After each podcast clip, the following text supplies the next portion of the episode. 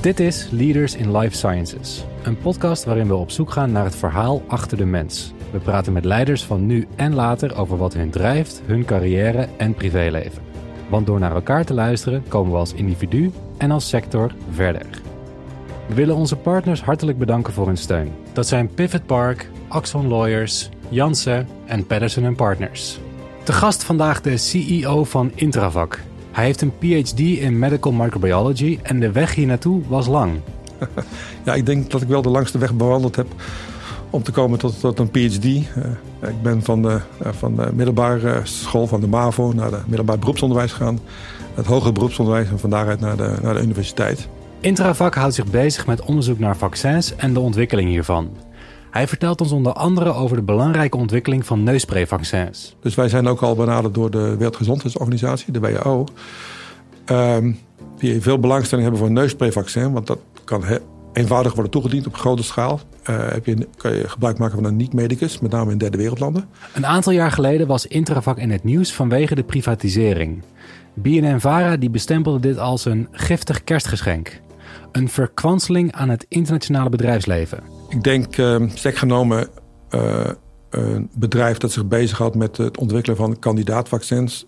Uh, valt, zou niet bij de overheid moeten horen. Want de overheid is niet, neemt geen risico om vaccins te gaan ontwikkelen. De gast vandaag Jan Groen. Uw host is André van der Sande. Veel plezier met het luisteren.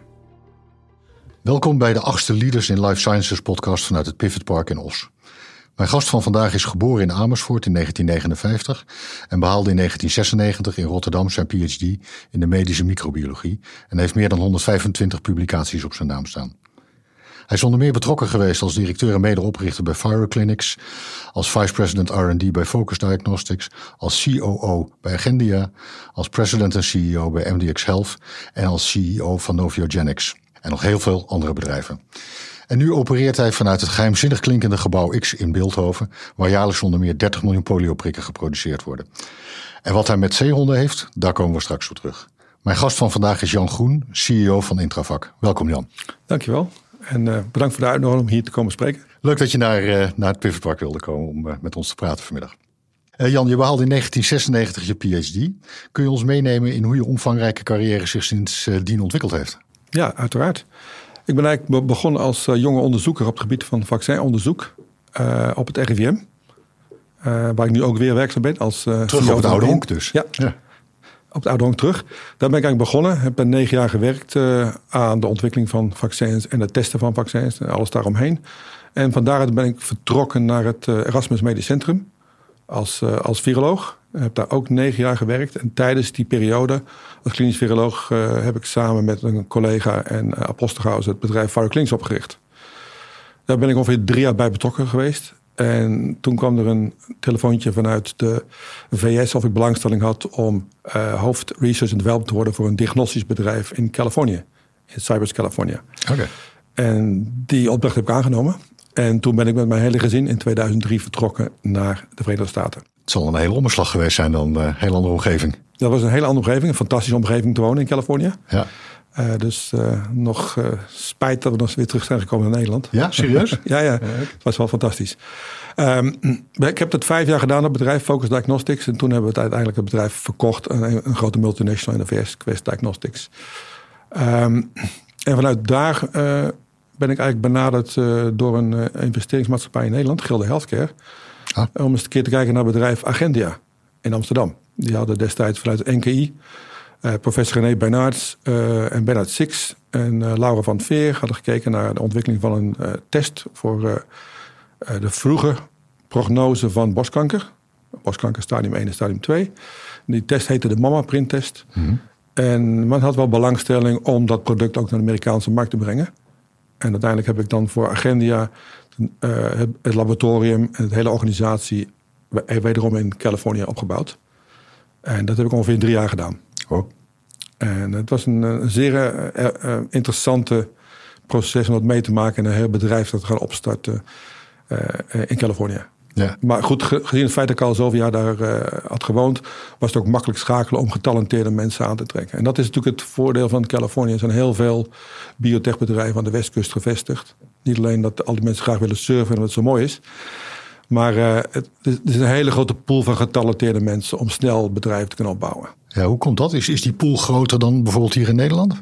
Ja, die pool is significant groter in, uh, in, in Californië.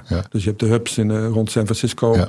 dan in Carlsbad en San Diego. San Diego, ja, ja. precies. Is dat, kunnen we daar nog iets van leren in Nederland, hoe dat opgebouwd is daar? Ja, ik denk wat, wat we kunnen leren, dat is met name het ligt een beetje aan het type uh, business waar je in zit. Ik zat op dat moment in, aan de kant van de diagnostiek. Hè? En ik zeg altijd gekscherend, het is niet alleen het is one nature, one God, maar het is ook one language. Dat maakt het ook makkelijk ja. voor een groot continent. Maar ze hebben ook één reimbursement systeem. Uh, CMS, uh, onder andere Medicare en Medicaid. En je kan heel snel schakelen om je product naar de markt te brengen. En uh, dat is wat, wat lastiger in Europa. Ja. En dat maakt het zo aantrekkelijk om snel met een nieuwe vindingen, of het nou een diagnostisch product is of een, of een uh, farmaceutisch product, kan je daar sneller naar de markt brengen dan in Europa. Ja, ja. dat is inderdaad een groot, uh, groot verschil. Na Agendia kwam MDX Health. Ja, na Agendia kwam MDX Health. Dus ik kreeg een telefoontje van een New York recruiter of ik belangstelling had voor het bedrijf Oncomethylome Sciences. Ik had er zelf van, nooit van gehoord. Dus dat bedrijf was gevestigd in, in Luik, in België. Het is wel typisch bedrijf als je kijkt. Ze hebben een bepaalde technologie, methylatie. En ze wilden zich gaan uh, manifesteren op het gebied van de oncologie. Dus ze hebben die twee aan elkaar gekoppeld. Oncomethylome Science was de naam van het bedrijf. De naam was vast bedacht door een wetenschapper. Dat was absoluut bedacht door een wetenschapper, ja. Uh, maar de uitdaging was natuurlijk van uh, wat voor een product gaan we maken. En ze hebben zich destijds gestort op verschillende opportuniteiten binnen het gebied van de oncologie. Dat ging van blaaskanker naar prostaatkanker, naar darmkanker. Verschillende projecten hadden ze opgestart. Ze waren destijds aan de beurs genoteerd, aan de Euronext in Brussel. En uh, met mijn komst in 2010 was dat, had men ondertussen een kleine 90 miljoen euro verbrand, maar nog geen product. Oh. Dus het bedrijf was al een beetje richting uh, bankruptcy. en mij was gevraagd, zie je nog muziek in, de, in deze onderneming? En ik denk dat de technologie, methylatie, technologie, epigenetica, met, andere, met een mooi woord, ja, er zit ontiegelijk veel potentie in. Ja. En de technologie was destijds ontwikkeld vanuit uh, John Hopkins Universiteit in Baltimore. En ik heb met een aantal mensen, onder andere met professor Wim van Kriek, gekeken hoe kunnen we dit nou verder brengen, dit bedrijf, met deze technologie. En wat ik al eerder uh, net heb gezegd, is de snelste weg naar de markt toe is Amerika. Dus bij ja. eigenlijk het hele bedrijf helaas afgebouwd, ja? in, in, afgebouwd in, in België. Ja. Uh, met behoud van mijn secretaresse en, en, en hoofd finance. Uh, want we waren natuurlijk genoteerd aan de Euronext in Brussel. Ja. En van daaruit hebben we het hele bedrijf opgebouwd in, in Californië. En we hebben een keuze gemaakt met, met die technologie. Waar is nou nog behoefte aan binnen het segment van oncologie? Dan praat je wel over 2010. Uh, komende vanuit de, de, wereld van borstkanker lagen nog heel wat mogelijkheden om iets te gaan doen op het gebied van prostaatkanker. Uh, daar waren er niet echt veel testen voor, behalve dan de PSA met heel ja. veel uh, mits en uh, nou, we hebben daar een product voor ontwikkeld en dat hebben we versneld naar de Amerikaanse markt uh, kunnen brengen. En ik heb dat uh, verder negen jaar gedaan. Heel wat geld moeten ophalen voor de onderneming, 150 miljoen. Dat zal, ja. ja. bij elkaar. maar een mooi bedrijf daar neergezet. ik heb afscheid genomen in 2019. Was dat, toen hadden we een omzet van, van 40 miljoen en 160 medewerkers. Dat is een indrukwekkende ommekeer, hè? Ja. En toen? Toen ben je voor verder gegaan? En toen heb ik afscheid genomen van het bedrijf. Toen heb ik een interim job aangenomen als CEO voor een bedrijf op het gebied van darmkanker. Uh, Novogenics in Lausanne. Dus ik ben met mijn vrouw van Amerika naar uh, Lausanne verhuisd. Prachtig om te wonen. Maar een hele uitdaging om... Uh, je zoekt wel de, de, mooie plekjes uit. het was een fantastische mooie plek ja, om te wonen. En dicht bij het skigebied waar we allebei gek op zijn. maar het is wel een, een een hele andere wereld als je van Californië komt en die gaat met, een, met de Zwitsers aan de gang. Ja, ja dat geloof ik. Maar desalniettemin, uh, het was een tijdelijke uh, job als, als hier bij Novogenics. Uh, ik heb het nodig kapitaal voor het bedrijf kunnen ophalen en ze eigenlijk een, ook een turnaround gemaakt, net zoals bij, bij Oncomethylome Science naar MDX Health. Novogenics was ook gefocust op een darmkanker screening test. Hele moeilijke markt. Waar je echt heel veel geld voor nodig hebt om dat naar de markt te brengen. Maar ze hadden wel een heel uniek mooi platform. Uh, het immunotranscriptoomplatform, zeer uh, complexe naam. Maar dat biedt heel veel potentie. Dus we eigenlijk ook het bedrijf omgedraaid en we gezegd oké, okay, we gaan vanuit de kracht van het platform werken en gaan kijken wat kunnen we gaan doen. Buiten het stukje uh, screening om kunnen we iets gaan maken voor de, ter ondersteuning van de behandeling van patiënten. Dus de opvolging van patiënten die behandeld worden voor een bepaalde kankersoort. een soort predictieve test, een monitoring test voor, voor kankerpatiënten. En daar hebben we een paar mooie projecten mee opgestart. En dat is gelukt? Dat is gelukt, ja. ja, Oké, mooi. Goed, dan komen we denk ik langzaam richting je huidige rol. Of heeft er nog iets tussen gezeten?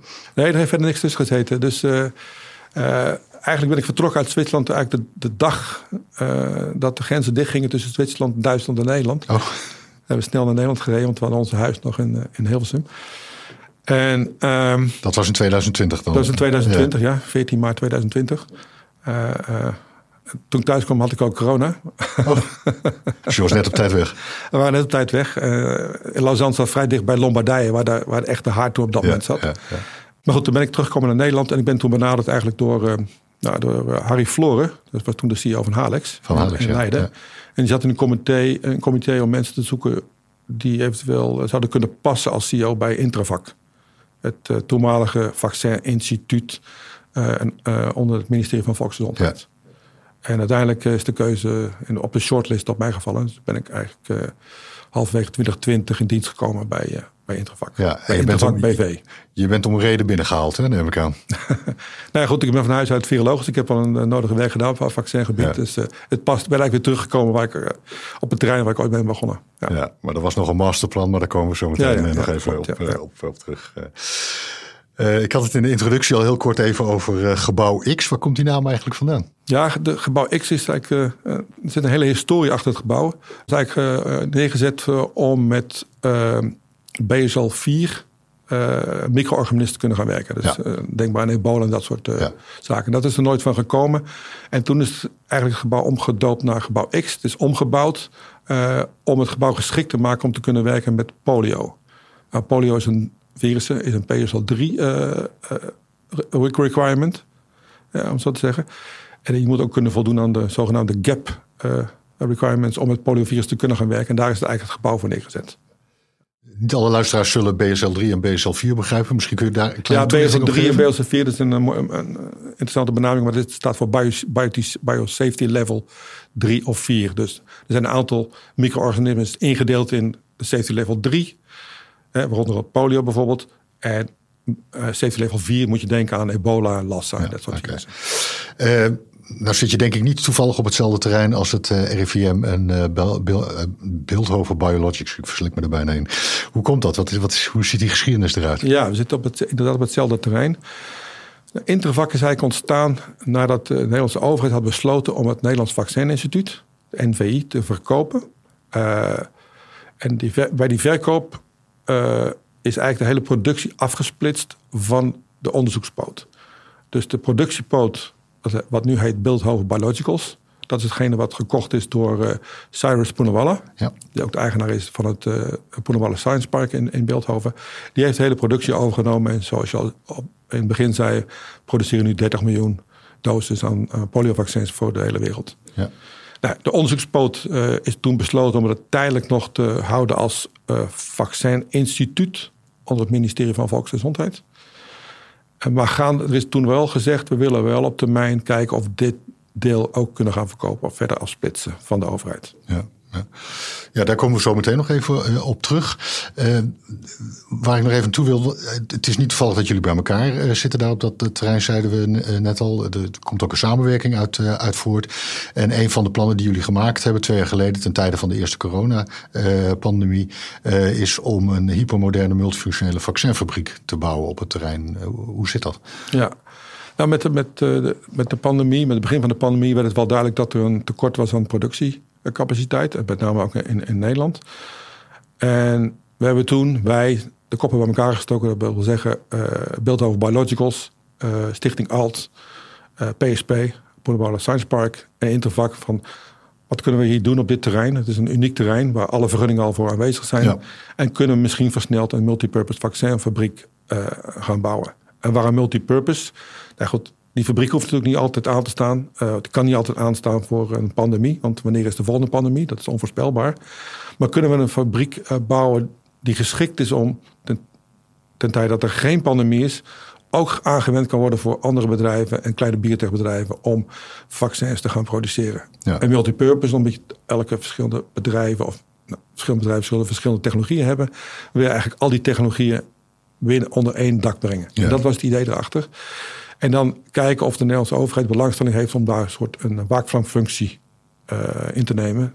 Dat er een onderhoudspremie wordt betaald voor deze fabriek. Ja, ja je zei eerder al, het is een soort Rigus-concept. hè? Ja, dat is het, de multipurpose zou een Rigus-constructie moeten zijn. Ja, ja, Oké, um, en, en wat is nu de stand van zaken? Want er zijn plannen gemaakt, begrijp ik, maar ja, we hebben die plannen ook uh, voorgelegd aan het ministerie van Volksgezondheid. En er is destijds ook naar gekeken.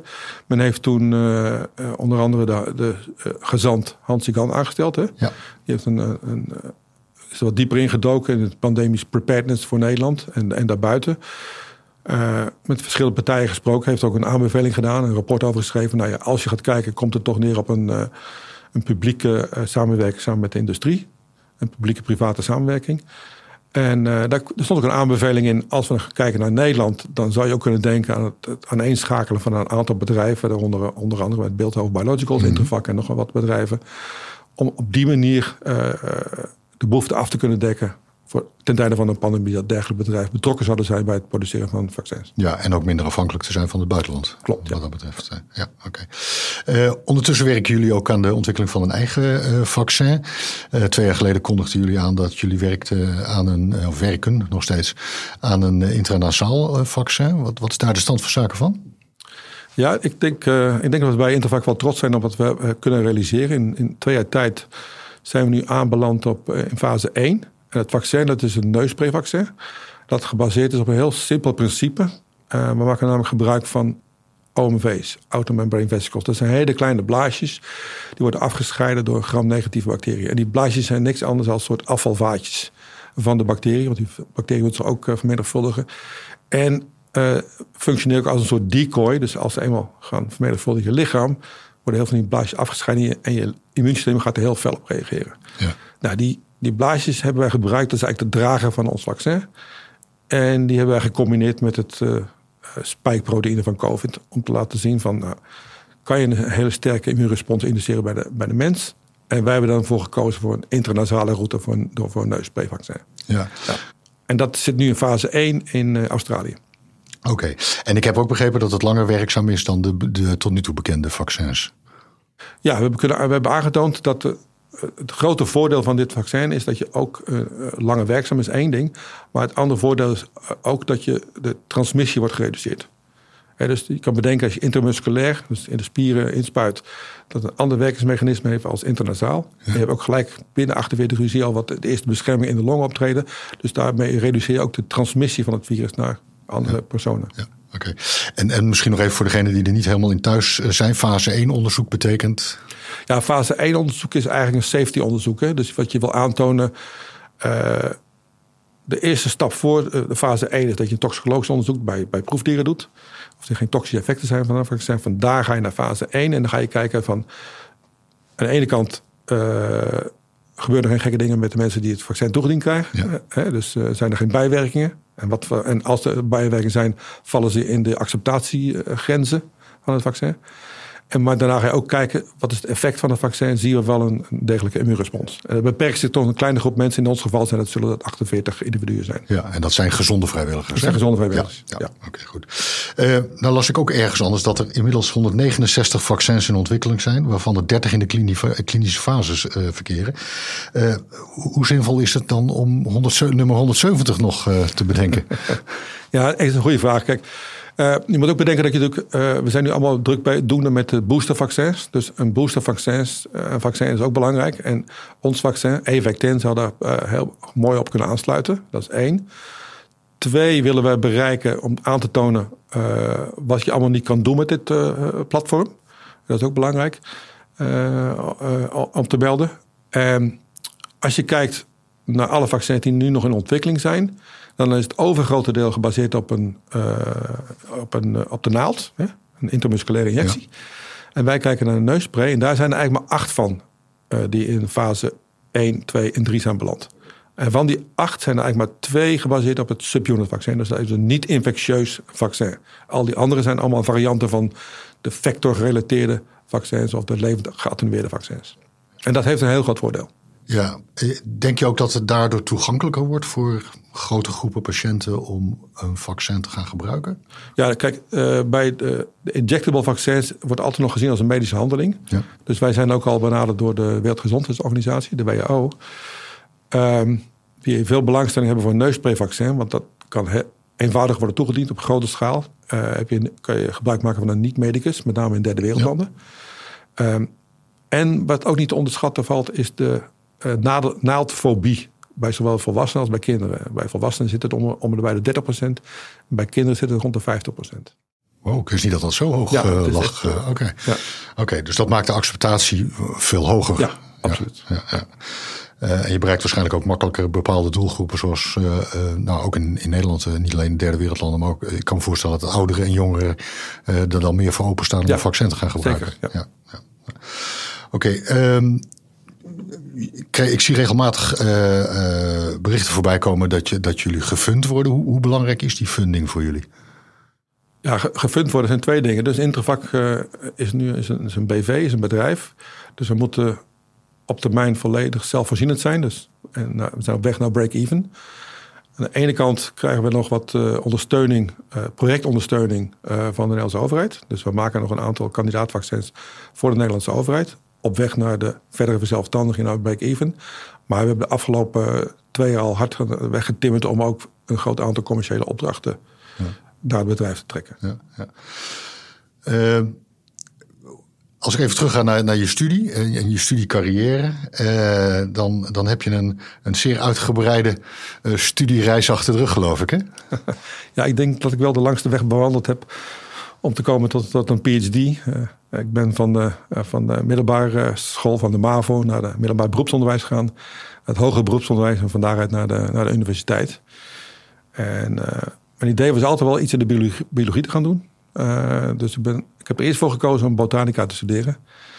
Maar bij nader inzien trok de immunologie en de infectieziekte me iets meer. En ben we daarop gaan, gaan specialiseren. Ja, ja. Om toch nog even bij die botanica te blijven. In de introductie zei ik van, je hebt iets met zeehonden. Dat had met die periode geloof ik te maken, hè?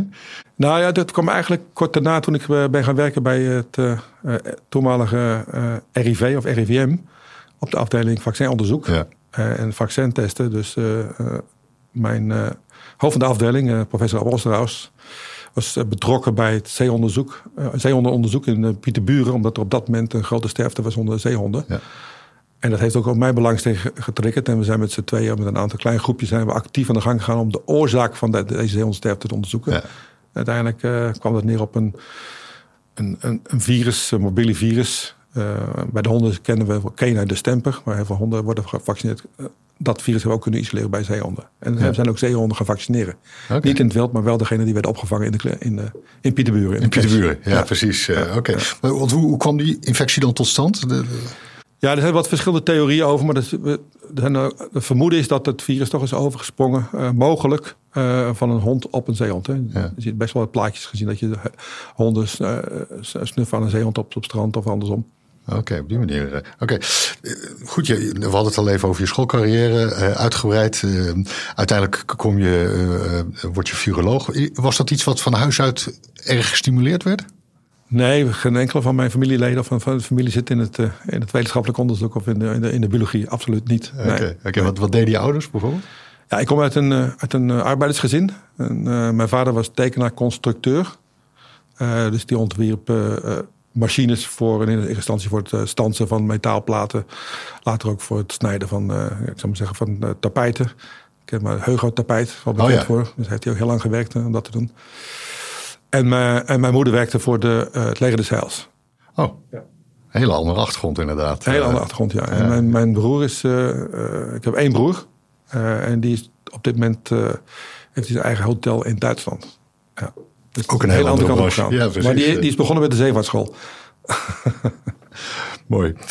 En, en jouw kinderen dan? Je hebt kinderen? Je ja, drie kinderen? Ik ben getrouwd, ja, ik ben getrouwd met uh, Charlotte. Mijn vrouw is uh, kunstenares. We hebben een atelier uh, aan huis.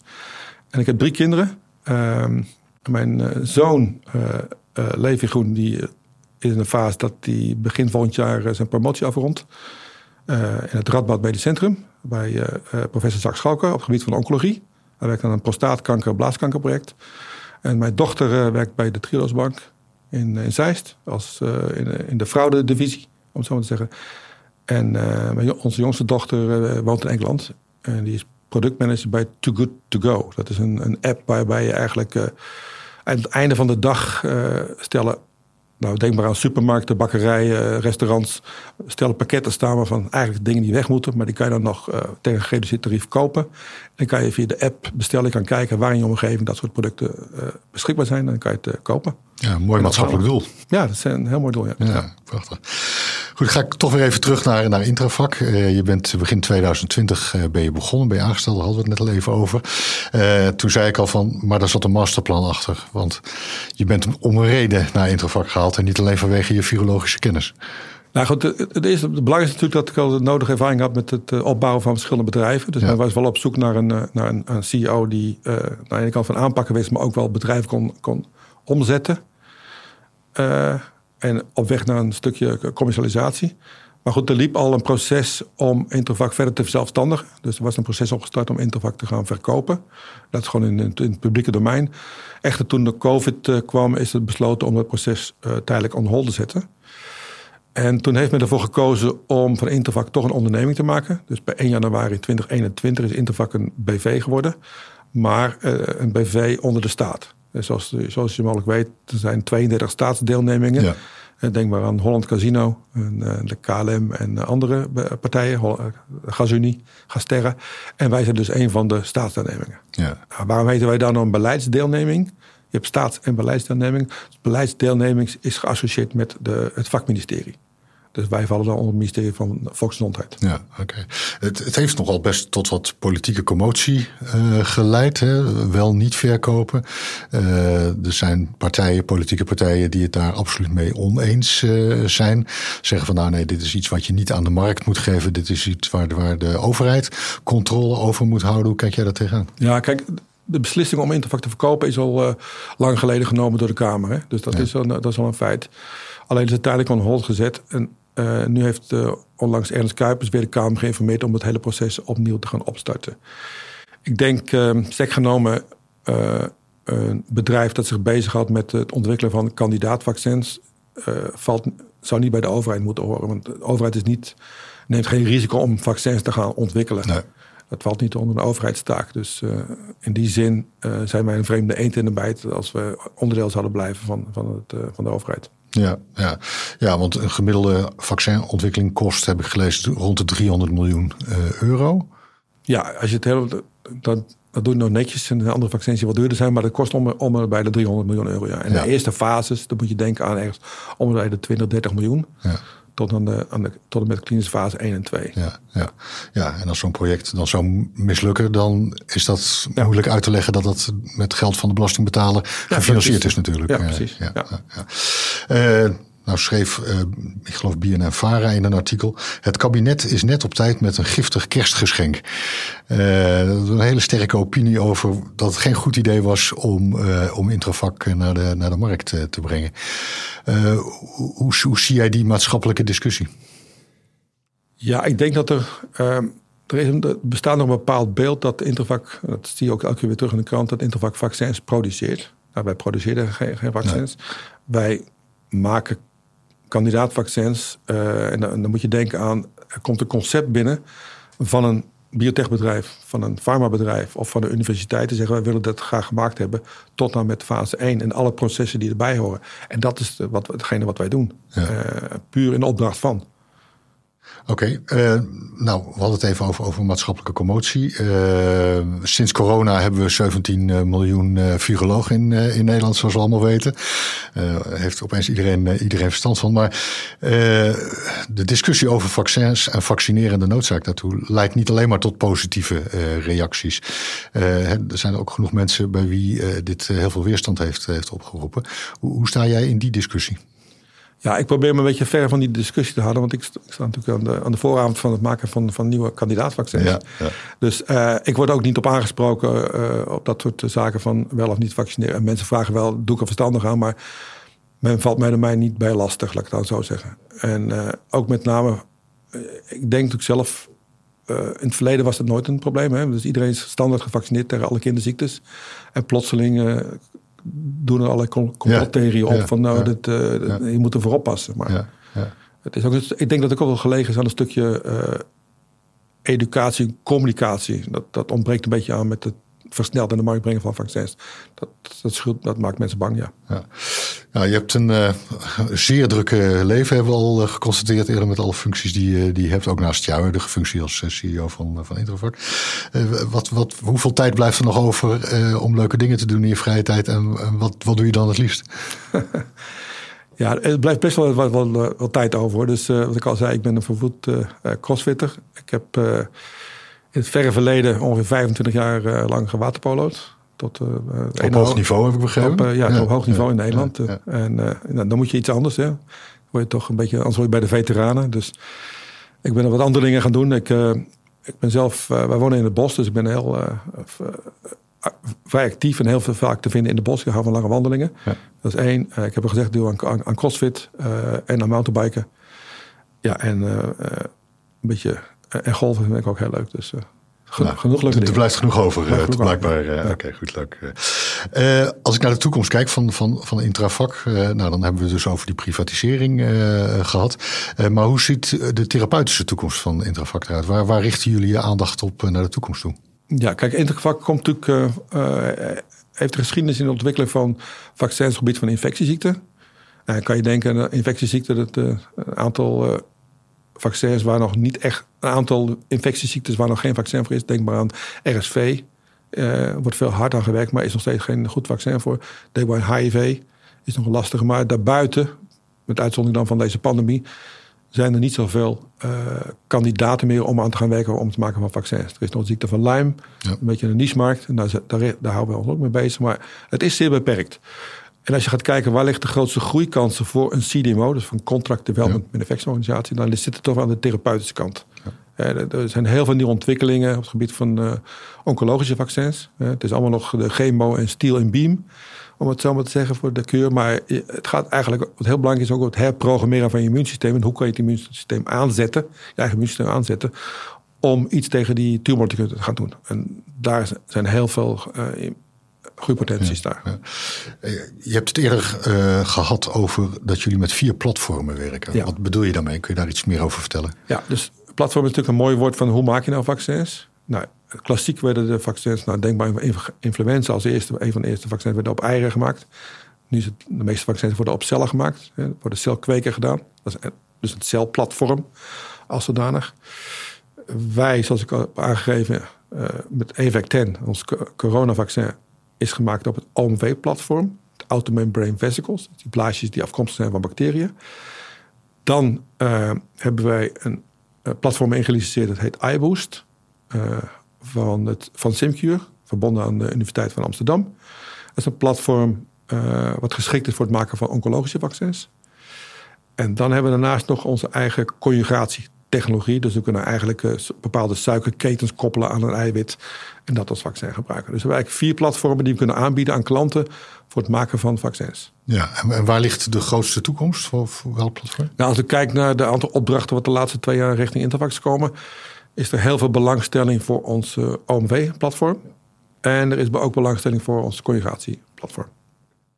Eh, je liet net al even de term CDMO vallen. Eh, Ja. Dat is eh, denk ik voor de insiders een bekend begrip, maar misschien niet voor iedereen. Maar je bent het bedrijf als het ware toch aan het ombouwen van, van een researchorganisatie naar een CDMO. Kun je daar iets meer over vertellen? Ja, kijk, van oudsher was natuurlijk Intervac een, het werd al gekscherend genoemd, de Universiteit van Beeldhoven. Hè, we hielden ons bezig met alle aspecten van vaccinonderzoek. Of het nou gaat over het vriesdrogen ervan, over de toediening ervan, met patches of wat dan ook. Overal werd wel aan gewerkt. Ehm, maar dat is meer puur in de research setting. En nu gaat het meer om hoe kunnen we concreet eh, de klant helpen eh, tot het maken van een product. Dus dat is wel een hele omschakeling om van een researchorganisatie om te zetten naar een klantgerichte organisatie waar, tijd en geld eh, belangrijk is. En in die hoedanigheid hebben we gekeken van nou, wat kunnen wij nou gaan doen? Wat, wat doen we nou precies bij Intervac? Dus wij kunnen eigenlijk van een concept wat al ontwikkeld is op de universiteit, zo moet je het eigenlijk zien. Hè? Er is al een conceptje, er is proof of principle. Eh, is er heel veel vragen naar hoe kun je het nou brengen naar een productieproces. En wij kunnen dat dan brengen tot ongeveer 300 liter, 200 tot 300 liter schaal. Maar dan heb je heel veel stukjes gereedschap bij nodig om die processen te kunnen monitoren. Maar ook heel veel kennis nodig om die opschaling te doen van die reageerbuis naar die 300 liter. Nou, dat kunnen wij allemaal fantastisch doen bij Intervak. En dat, daar zijn we nog steeds mee, een stukje mee bezig. En dat soort processen, dat is eigenlijk een soort kookboek wat we maken voor een opdrachtgever. En dat kookboek gaat uiteindelijk over naar, naar de klant, die dan dat weer verder gaat trekken naar uh, productieprocessen van 5000 tot 10.000 liter. Ja, want jullie brengen het tot en met fase 2, zeg maar. Tot en met fase 2, ja. En daarna draag je het over aan een farmaceut. Die ja, dus aan de ene kant ontwikkelen het proces. En als de klant ook wil dat we wat gaan produceren ter ondersteuning van de fase 1 en fase 2 studie, ergens tussen de 50 en de 200 mensen, kunnen wij dat ook onder GMP produceren voor de klant. Ja, oké. Dat betekent dus dat jullie ook niet alles uh, zelf uh, kunnen doen in het hele traject en daarmee dus ook regelmatig uh, samenwerkingen met andere partners zoeken, of niet? Ja, uh, absoluut. Dus uh, als je kijkt naar onze eigen vaccins, ik neem me dan bij Evacten weer als, als voorbeeld. Ja. Uh, we hebben het platform, het vaccinplatform OMV's. Wij kunnen al die stappen van ontwikkeling doen. Maar uiteindelijk heb je ook het, het, het proteïne nodig. Dan kan je dat allemaal zelf wel gaan, gaan bedenken, maar er zijn bedrijven die het veel beter kunnen. Dus daar hebben wij samengewerkt met Excel Gene, die onder andere dan het spike-proteïne van COVID voor ons heeft gemaakt. En dat combineren wij als vaccin en dat gaan we dan verder trekken. En ja, dat okay. zit nu in, de, in fase 1. En jullie zijn ook een industriepartner in het Groeifonds, uh, heb ik gelezen. Ja, we zijn ook uh, aangesloten bij het Groeifonds, bij het uh, Oncode Pact. Hè, dus aan de therapeutische vaccinkant. Dus ook daar hebben wij, onze inbreng is eigenlijk het, het hele proces. Dus de, wij zijn een industriepartner en de universiteiten komen met een concept van een bepaald therapeutisch vaccin. Noem maar even iets simpels. Maar dat moet op een gegeven moment wel ontwikkeld worden. Wat zij ontwikkelen op laboratoriumschaal uh, is heel anders. Dat is vaak gebaseerd op allerlei research uh, componenten. Ja, die mogen vaak de mens niet in. Dus wij gaan kijken hoe kunnen we dat netjes maken dat het wel de mens in kan. En hoe loopt dat dan, dat hele proces? Ja. Uh, nou, het Groeifonds heeft best wel tot, uh, tot wat discussie geleid in Nederland. En vooral de omvang van het, van het Groeifonds. wat vind je in het algemeen van het researchklimaat in, in Nederland? En doet de overheid wel voldoende om dat te stimuleren? En hoe verhoudt zich dat bijvoorbeeld tot Amerika, waar je veel ervaring hebt gedaan? Ik denk als je, als je, kijkt, als je kijkt naar de mogelijkheden binnen Nederland en binnen Europa om een aanmerking te komen voor subsidies en grants, dan zijn er heel veel mogelijkheden. Dus de, dat gaat van CEPI tot, uh, tot de EU-fonds. EU dus uiteindelijk alle Europese landen dragen wel bij aan, aan, een fonds. Nederland heeft natuurlijk ten tijde van de pandemie ongeveer 50 miljoen gegeven aan CEPI. Hè, op allerlei vormen om te kijken wat kunnen we doen aan een nieuw coronavaccin. En ze dragen ook bij aan andere, denk maar aan Helft Holland, geld van de overheid dat die kant komt die kant op gaat voor het ondersteunen van, van, van ontwikkeling. Dus er zijn wel mogelijkheden om aan, aan grants te komen voor onderzoek ja, binnen Nederland. Okay. Als ik zie waar jullie allemaal mee bezig zijn, dan is Intrafak wel een, een organisatie die enorm in, in beweging is. Hè? Uh, er gebeurt veel. Uh, goede mogelijkheden voor de, voor de toekomst uh, ook. Je hebt eerder laten zien dat je een bedrijf nou ja, volledig, volledig kunt omturnen en daar een succesvol bedrijf van kunt maken. Welke stappen ga je nog zetten met, met Intrafak om, om dat te bereiken? Uh, nou, wat, wat, waar wel aan gewerkt moet worden bij Intervak natuurlijk. Wij komen natuurlijk vanuit een overheidsorgaan uit. Dus de, focus is met name op uh, instrumenten, tijd en budget. En deliverables, dat, zijn, dat is de focus van de onderneming. Maar ook de commerciële tak is nog niet ontwikkeld. We hebben dus eigenlijk net pas uh, vier maanden geleden een chief business officer aangenomen. om eigenlijk ook de outreach te gaan doen om meer klanten te gaan aantrekken. Dus al die blokken moeten wel samenkomen. Hè. Dus aan de ene kant, de organisatie is nog zeer onderzoeksgericht. Hè? Dus die mensen moeten wel mee in het hele proces. Uh, om, om zich achter te scharen en, en te werken aan bepaalde uh, stappen binnen het hele proces. Ja. En voor, de, voor wetenschapper is het tijdpaadje altijd meer is interessanter. Hè? Dus die moeten wel bij de les weten te houden dat we wel uh, binnen tijd een budget voor die klant het product kunnen opleveren. Oké, okay. en dat is nog een een, weg te gaan uh, op dat vlak. Uh, ja, we zijn, we zijn er goed op weg. En we hebben ook gezien dat heel veel mensen die helemaal wel goed meegaan in het hele proces. Maar het is ook wennen aan zo'n heel nieuw systeem. Hè? Ja, dat kan ik me voorstellen. Ja. Ja. je vertelde eerder aan mij dat een van je favoriete films is Once Upon a Time in the West. komt er straks een film Once Upon a Time in Beeldhoven? Met het verhaal van Intrafak? Ja, mogelijk, ja. Ja, het zou mooi zijn, hè? Het zou, het zou een mooi verhaal kunnen worden, ja. Ja, ja dat denk absoluut. ik ook. Ja, nou, we gaan het in ieder geval met, met belangstelling volgen de, de komende jaren. Uh, vaste vraag aan het eind van de, van de podcast die ik altijd stel is... heb je nog een soort slotboodschap? Heb je nog iets waarvan je zegt... nou, dat wil ik even meegeven of dat hebben we niet besproken vandaag... maar daar wil ik toch wel even aandacht voor vragen? Ja, eh, wat ik wel mee zou willen geven is, is, dat voor mensen die belangstelling hebben voor de biotech, want het, er zijn er veel gebeurt zoveel in de biotech-industrie en er zijn zulke mooie ontwikkelingen gaande. Als je daar belangstelling hebt, zou ik echt aanraden om te kijken of je daar uh, een bijdrage aan kan leveren. Want je, je, levert een bijdrage aan het voorkomen van ziektes en je levert een bijdrage aan het genezen van ziektes. Ja. Dus uh, dat is een prachtige uh, wereld om je uh, je carrière op te bouwen. Ja, daar sluit ik me van harte bij, bij aan bij die, bij die boodschap. En ik hoor sommige mensen ook wel eens zeggen: we staan aan de vooravond van de gouden eeuw van de biotechnologie. Uh, er gaat nog een heleboel gebeuren. Uh, en geweldig om daar een rol in te kunnen spelen ja. in de toekomst natuurlijk. Oké, goed. Ik wil je heel hartelijk bedanken dat je ons gast uh, wilde zijn vandaag. En we blijven met belangstelling volgen hoe het natuurlijk met Intravac verder gaat de komende tijd. Dankjewel. Dank je. Dit was Leaders in Life Sciences. Dankjewel voor het luisteren. Vond je iets van deze aflevering? Wij ontvangen graag jouw feedback. Wat houdt bijvoorbeeld jou bezig en over wie wil je meer horen? Laat het weten via een Apple of een Google review. Of stuur een berichtje via social media of natuurlijk gewoon per mail. Onze waardering is groot. Tot slot nog dank aan onze partners. Dat zijn Pivot Park, Axon Lawyers, Janssen en Patterson Partners.